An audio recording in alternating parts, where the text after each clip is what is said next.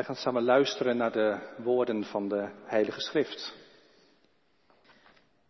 De eerste lezing is Exodus 3,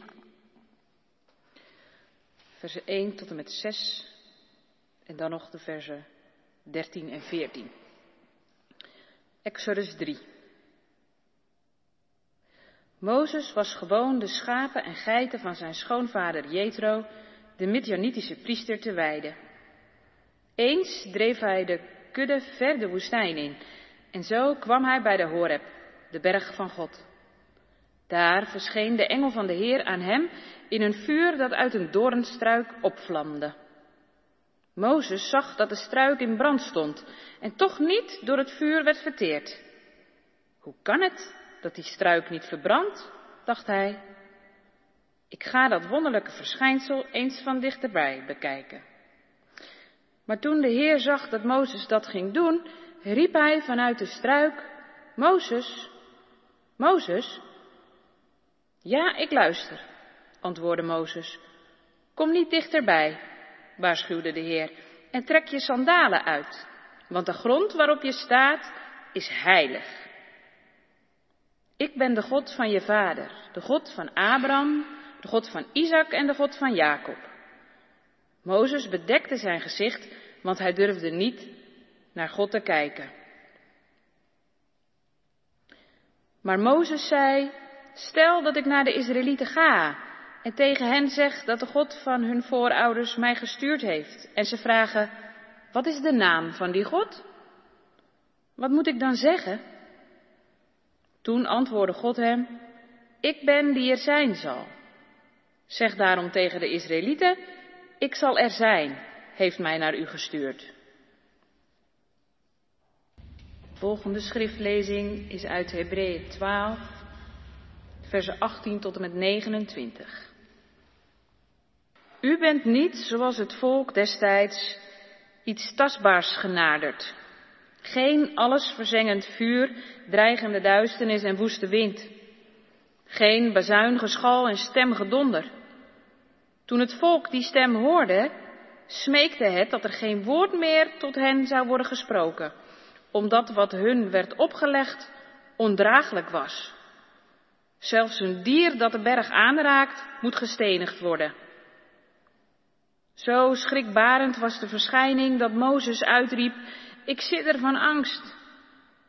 Nee, u bent de Sionsberg genaderd, de stad van de levende God, het hemelse Jeruzalem, en duizenden engelen die in vreugde bijeen zijn, de gemeenschap van eerstgeborenen die in de hemel geschreven zijn.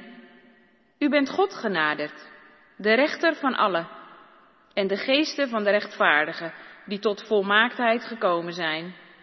De bemiddelaar van een nieuw verbond, Jezus, en het gesprenkelde bloed dat krachtiger spreekt dan dat van Abel.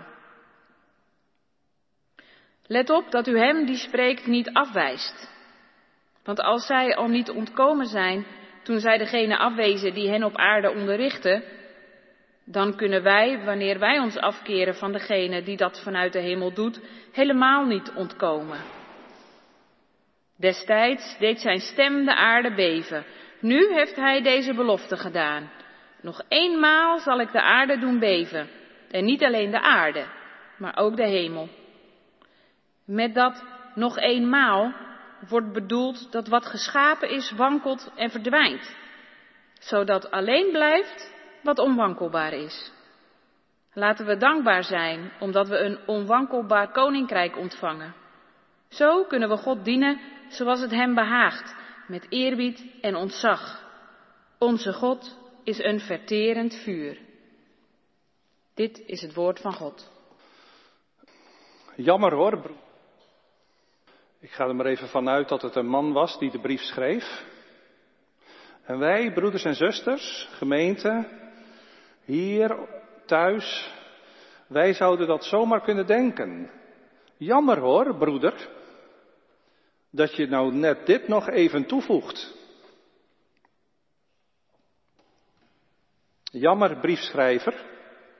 Ik bedoel, jammer, heftig. Uh, een beetje verwarrend ook wel. Na alles wat gezegd is in Hebreeën 12, dan nog net dit even erachteraan. Onze God is een verterend vuur. Je hebt het hoofdstuk gelezen. Je hebt misschien al lezend in het hoofdstuk net een, nou, een zucht van verlichting geslaakt. Je werd aangesproken. We horen het lezen. U bent niet, zoals het volk destijds, iets tastbaars genaderd, geen alles verzengend vuur. Geen dreigende duisternis, geen woeste wind, geen bazuingeschal, geen stemgedonder. U bent daartoe niet genaderd, zoals Israël ooit. Maar u, vers 22, u bent genaderd tot de Sionsberg, tot de stad van de levende God, hemels Jeruzalem, de middelaar van het nieuwe verbond, Jezus.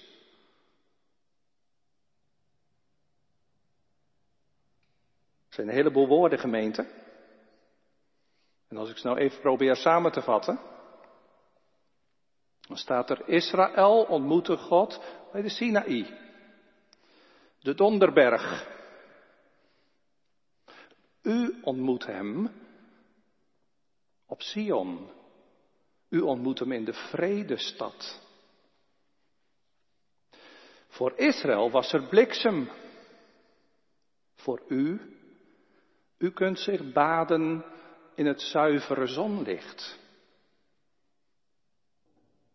Israël ontmoette hem met vrees en beven. U mag hem ontmoeten met verwondering en met vreugde. Het is het oude verbond van God die zijn wet gaf. En het nieuwe verbond van de God die zijn zoon, die zijn kind gaf. En die zoon, Jezus Christus, de apostel die de brief schrijft, noemt hem de middelaar, de tussenpersoon van het nieuwe verbond, van het nieuwe bondgenootschap. En hij wijst op de genade als een godsgeschenk in die nieuwe verbondsrelatie. En hij moedigt aan om dat geschenk van de genade te omhelzen. En gelovige oren horen daarin evangelie, goed nieuws. En dan toch, vlak voordat de schrijver zijn pen neerlegt, ik stel het me zo even voor, vlak voordat hij zijn pen neerlegt, nog net die ene zin. Onze God is een verterend vuur. Het lijkt wel of het hem nog net even te binnen schiet. Op het laatste moment. Het zijn trouwens geen zelf verzonnen woorden van de apostel. Die schrijver had bijbelkennis. En wat hij hier zegt komt uit de Torah. Ik heb de woorden aan het begin van deze dienst al voorgelezen. Ze staan in Deuteronomium 4, ze staan ook in Deuteronomium 9. Want de Heer uw God is een verterend vuur. Het zijn oude woorden uit de boeken van Mozes. Gemeente, wat betekent dat dan? Wat wil dit dan zeggen? Net die laatste zin van het hoofdstuk. Wat wil het dan zeggen, deze laatste reminder? Is dat niet een anticlimax na alles wat gezegd is? Draait de schrijver nou niet weer alles terug wat hij gezegd heeft over dat feest van de genade? Maakt hij een U-turn, een U-bocht? Rechtsomkeert terug naar de vurige, huiveringwekkende God ja, daar lijkt het op. Maar gemeente, daarmee wordt wel iets heel speciaals gezegd. Het heeft een bijzondere bedoeling. De eerste bedoeling daarmee is wel dat hier gezegd wordt dat God, de God van Israël, de God van Mozes en de Sinaï dezelfde is. En altijd dezelfde is gebleven, ook al heeft Hij in Jezus zijn Zoon de toegang geopend tot die volmaakte wereld, die hier zo met zoveel woorden beschreven wordt en uitgetekend. Ook al heeft Hij de toegang daartoe geopend, de toegang tot die hemelse stad waar je het toegangsbewijs gratis voor kunt krijgen. En doordat God daarvoor heeft gezorgd, is God niet, niet een andere God geworden. Nu de hoge priester van het nieuwe verbond is gekomen en nu Jezus als lam van God zijn offer heeft gebracht, nu hij door het vuur is heen gegaan, nu is de eeuwige God niet veranderd.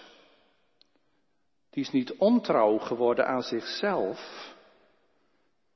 Ik ben die ik ben, is zijn eeuwige naam. Onveranderlijk. Onveranderlijk is hij in zijn, in zijn heilige liefde, in zijn vurige verlangen naar goedheid en recht, in zijn goddelijke streven naar, naar de ondergang van het kwaad. Want gemeente, ja, daar is God op uit en daar heeft de briefschrijver het ook over. God is uit op de ondergang van het kwaad. God is daarin dezelfde gebleven, zichzelf trouw gebleven. De God van Mozes, de vader van Jezus. De God van Paulus en ook van die Hebreeën, de adressanten van deze brief, Joden die Jezus hebben aangenomen. Maar met dat God dezelfde is gebleven, is ook zijn doel hetzelfde gebleven. Zijn doel dat hij heeft met Israël, zijn doel dat hij heeft met zijn mensen. Sinds de wetgeving op Sinaï is daaraan niets veranderd. En dat doel van God, wat is dat dan?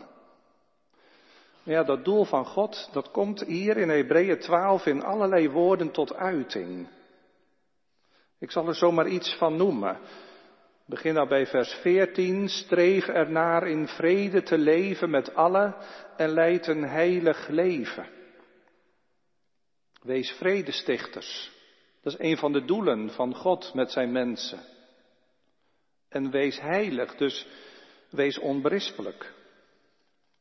En in vers 15, zorg ervoor, zorg ervoor dat niemand zich de genade van God laat ontgaan, geen giftige kiem laat opschieten die onrust veroorzaakt. Positief gezegd, leef in vol vertrouwen op de goede God en zorg voor rust en zorg voor harmonie. Zijn doelen van God met zijn mensen. Met vers 16 laat, laat niemand een ontuchtpleger zijn, of iemand het heilige zozeer minachten als Esau. Positief gezegd, leef zuiver.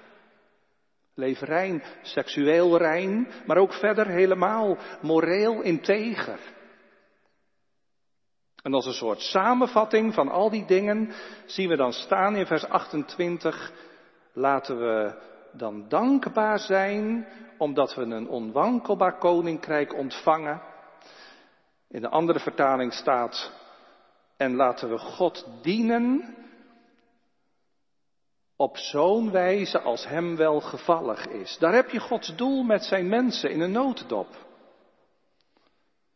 En dat doel van God, dat neemt hij zo serieus. Dat meent hij zo voor de volle honderd procent.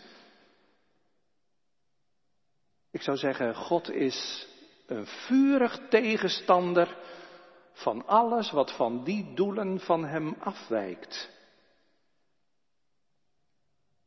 In vers 14, dat brengt mij gemeente tot een klein uitstapje. In vers 14 klinkt dat woord heilig zijn.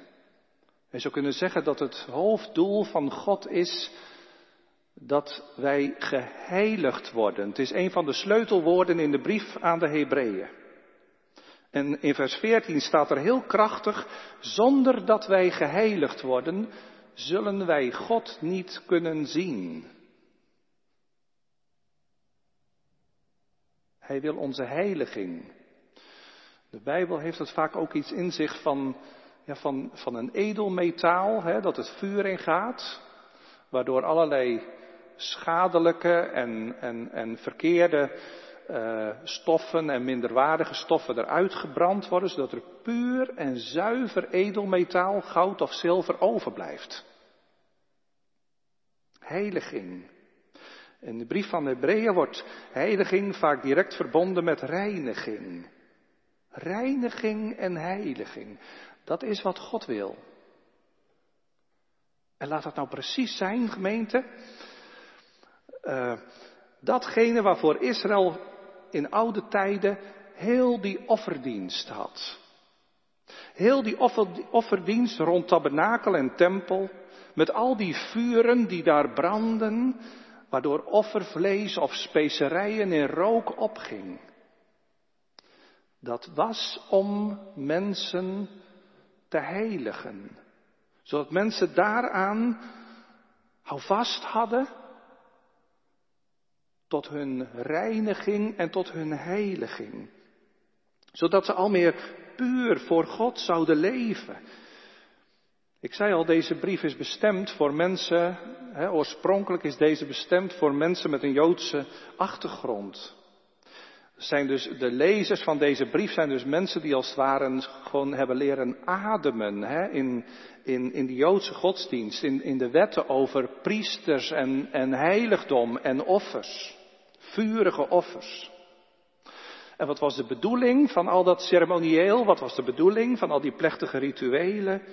Nou, dat mensen met schuld en smet van kwaad, van onheiligheid, dat ze zonder schuld zouden zijn.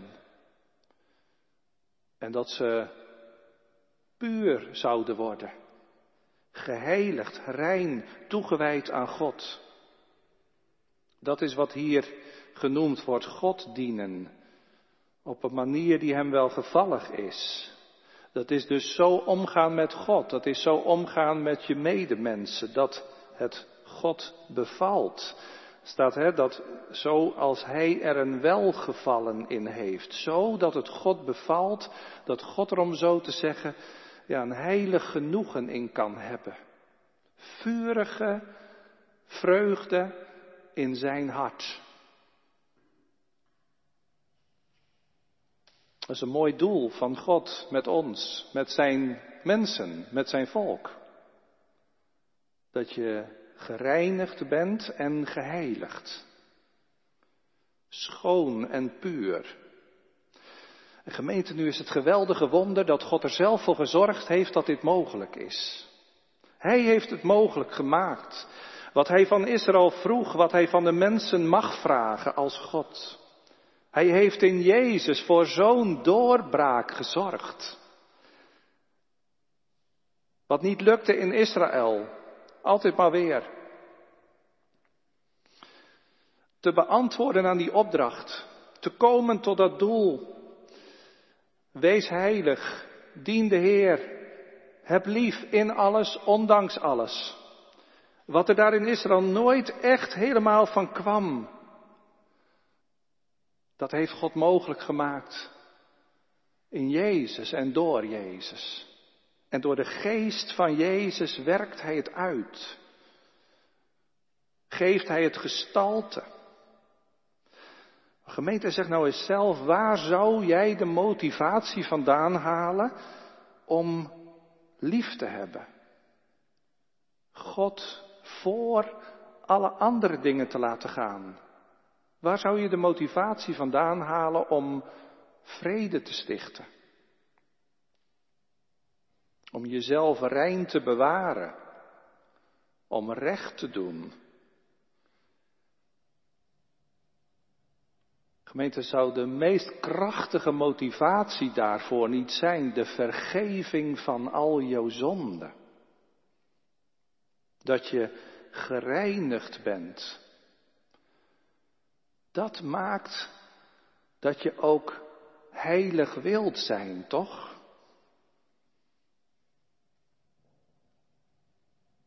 De ruimte om voor God te leven. Ontstaat die niet, gemeente, juist waar je van schuld bevrijd bent, waar je van angst gered bent, waar je met God verzoend mag zijn? Nou, dat is wat Jezus gedaan kreeg. Hij, hij boette voor de schuld. Hij ging door het vuur van de toorn, van de straf. Hij verbrak de machten van het kwaad. En ja, nu kan het dus. Nu kan God in je wonen zonder dat jij vergaat. Dat doet me even denken aan die geschiedenis waar we gedeelte uit hoorden, Exodus 3, aan die doornstruik die Mozes zag, waar het vuur in was, maar zonder het te verteren. Dat kan dus ook, dat God er is zonder dat iets, zonder dat ik verteer. En door genade vanuit Jezus verbonden met Hem, dan bereik je nou precies wat, wat zonder Hem nooit te bereiken is. Een bestaan dat vernieuwd wordt, dat gereinigd wordt, geheiligd door Hem. Het is nooit gelukt door de wetten. Het is nooit gelukt door al die vuuroffers. En door al die stemmen van de profeten.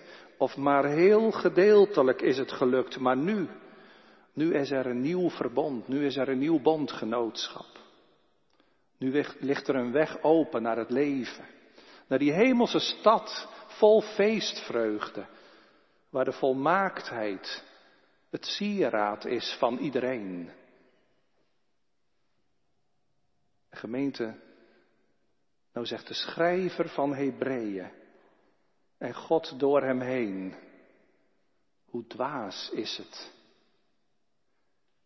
Als jij van die ene, van die unieke mogelijkheid geen gebruik maakt. Of na er eventueel kennis mee gemaakt te hebben, het vervolgens links laat liggen. Hoe dwaas is dat? Stel je nou eens voor, hè, het aanschaffen van een grote elektrische auto, dat kost veel. Voor jou is het niet haalbaar. Er komt een nieuwe regeling. Een subsidie, gewoon een heleboel geld dat je zomaar kunt krijgen. Voor een bepaalde datum moet je het hebben aangevraagd. Maar jij laat het aan je voorbij gaan. En toch ga je nog voor die auto. Om het te betalen, haal je halsbrekende toeren uit. Diefstal, fraude, leningen, kleiner huis. Is dat niet dwaasheid? Nou, hoe dwaas is het dan als jij tot je doel mag komen, tot het doel van God met jouw leven. En dat middel dat Hij ervoor heeft gegeven, links laat liggen. Dat onmetelijk te goed van Jezus. Dat je dat ongeschikt vindt. Het laat je gewoon voor wat het is. Weet je wat er dan gebeurt? ja, dan kom je dus niet tot dat doel. En dat betekent, en dan ben je bij dat laatste zinnetje van het hoofdstuk. Dan val je terug, zeg maar, in de oude regeling. Dan val je terug in de oude bedeling. De bedeling van toorn en van vuur. God die jou komt afrekenen op jouw tegoed, maar dat is geen tegoed, dat is een schuld. Een berg van onrecht, een berg van kwaad. Die roept om afrekening. En dat is gemeente precies waar dat vuur van God tegen gericht is. Dat verterend vuur van God, dat treft de onheiligheid, dat treft de overtreding, dat treft de onreinheid, het onrecht, de liefdeloosheid. Hoe gaat dat dan? Nou ja, zo vaak in de Bijbel is het aan de orde en zie je het als het ware voor je ogen gebeuren. Hoe dat dat vuur van God onrecht en onheiligheid treft. Zoals de Heere helend nabij kan zijn, troostend nabij kan zijn in het leven van een mens, in het leven van een groep mensen, van een kerk, van een samenleving. Zo kan God beklemmend aanwezig zijn, verwoestend, vernietigend, benauwend, oordelend. Of moet ik zeggen, hij kan zichzelf zo terugtrekken dat vernietigende, verwoestende, benauwende krachten de overhand krijgen. Komt misschien wel op hetzelfde neer. En de Bijbel spreekt te duidelijk over deze dingen, gemeente, om ze zomaar te negeren. Israël, de volken eromheen, ze hebben er allemaal het hunne van meegekregen. En alle volken van deze aarde lopen dit gevaar, zeggen de profeten van het oude verbond. Maar ook de profetie van het nieuwe verbond in het boek Openbaring bijvoorbeeld. Het vuur is er niet van de lucht. Keer op keer. Want de heilige God laat niet met zich spotten. En dat recht van Hem vraagt handhaving. Zijn liefde kan diep gekwetst worden. Daarvan spreken de gebeurtenissen in en rond Israël. En dan ben ik even terug bij die woorden uit Deuteronomium van het begin al van deze dienst. Tweemaal over in Deuteronomium 4 en 9. Die ontzettende woorden, de Heere uw God, is een verterend vuur. Er is iets aparts mee aan de hand, gemeente, met die woorden in Deuteronomium. Want in hoofdstuk 4, in Deuteronomium 4, daar zijn ze gericht tegen Israël. Wees op uw hoede, dat u het verbond van de Heer uw God, dat Hij met u gesloten heeft, niet vergeet, beelden maakt en u daarvoor neerbuigt, want de Heere uw God is een verterend vuur. Daar wordt Israël gewaarschuwd voor die heilloze afgodendienst, met alles wat daarmee gepaard gaat aan onzedelijkheid, geweld, wat dan ook. En die afgodendienst die, die krenkt God en beledigt zijn liefde. Het vuur van de Heere, zo zegt hij, dat, dat, zal, dat zal de rust van Israël, de rust van de bewoning in het beloofde land niet doen. Met andere woorden, ze zullen er vanuit verdreven of verbannen worden. En de ballingschap is een voorbeeld ervan dat dat ook gebeurde. Het vuur van God gaat in de rust van Israël. Nu staat daarnaast Deuteronomium 9. Daarom moet u weten dat de Heere uw God voor u uit de Jordaan overtrekt een verterend vuur hij zal hen wegvagen. Daar is Gods vuur in Israëls voordeel. De vijanden, die volken rondom Israël, die wel van Israël hebben gehoord, die hebben gehoord van Israëls God, maar zich daar niet aan willen overgeven, ze zullen verdreven worden en Israël zal veilig zijn. Het vuur van God betekent daar dat hij de tegenstand breekt en zijn volk beschermt. Zo is zijn vurigheid als een muur om Israël heen. Hij, hij breekt de tegenstand. Dat kan en wil hij nog steeds. En dat geeft ons reden om niet zelf een verterend vuur te hoeven zijn voor medemensen. Toen discipelen van de Heer Jezus vroegen, Heer, wilt u dat we vuur uit de hemel laten neerdalen? Zei de Heer Jezus, nee, nee, nee, nee, nee. Jullie weten niet wat voor geest jullie bezielt. Wij hoeven geen verterend vuur te zijn voor medemensen. Wij hoeven zwaard en geweer niet te grijpen om Christus kerk te beschermen. Laat het over aan Hem die voor Israël streed. Wat een onderwerp, gemeente. Vindt u niet? Dit God als een vuur. Ik heb het zo aangereikt gekregen. Maar wat een onderwerp. Misschien als je het hoort, hè, en op het eerste gezicht zou je verwachten misschien dat het dan gaat over God als ja, zo'n vuurvlammetje waaraan je je heerlijk warmt. God maakt je hartje warm. Of denk je aan een vonk die overspringt, een vlammetje dat gaat branden van inspiratie of enthousiasme. Maar nee, dan blijkt het te gaan om God als een verterend vuur. Zou je dat aan iemand vertellen?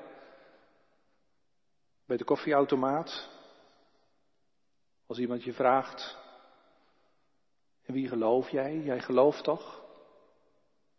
Dat is lastig, hè? En toch is ook dit onze God. De God van recht. De God die wat onrecht is niet verdraagt. Die belooft om dat weg te doen, vroeg of laat. Het onrecht gaat eraan. En hoe heftig het ook is om te zeggen, gemeente, niet alleen wat onrecht is, maar ook degene die onrecht doet, die redt het niet. En op het moment dat ik dat zeg, dan flitst het door mij heen. En jij dan? En u? Jij? Wie van ons kan zijn handen in onschuld wassen? Wie is vrij van onrecht? Wie is vrij van leugen? Wie is vrij van onreinheid? Wie heeft niet eens een keer aan aardse dingen voorrang gegeven boven God? Hoe kan Hij bij ons wonen dan? En wij bij Hem? Nou, zalig ben je gemeente als je dan bij Christus Jezus wegschuilt. Bij Hem die gewoon de hele vuile boel van zijn kinderen heeft meegenomen het vuur in. Het heeft hem als te rechtvaardigen het leven gekost. Maar nu hij leeft,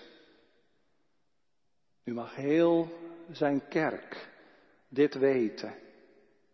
Wie in Christus Jezus is, die is een nieuwe schepping. Het oude is voorbij gegaan. Zie, alles is nieuw geworden. Jij van Hem en Hij van jou. En God woont in je. En jij, jij zult niet vergaan. Maar jij zult, ja, die Godstad binnengaan. Toch wel. Amen.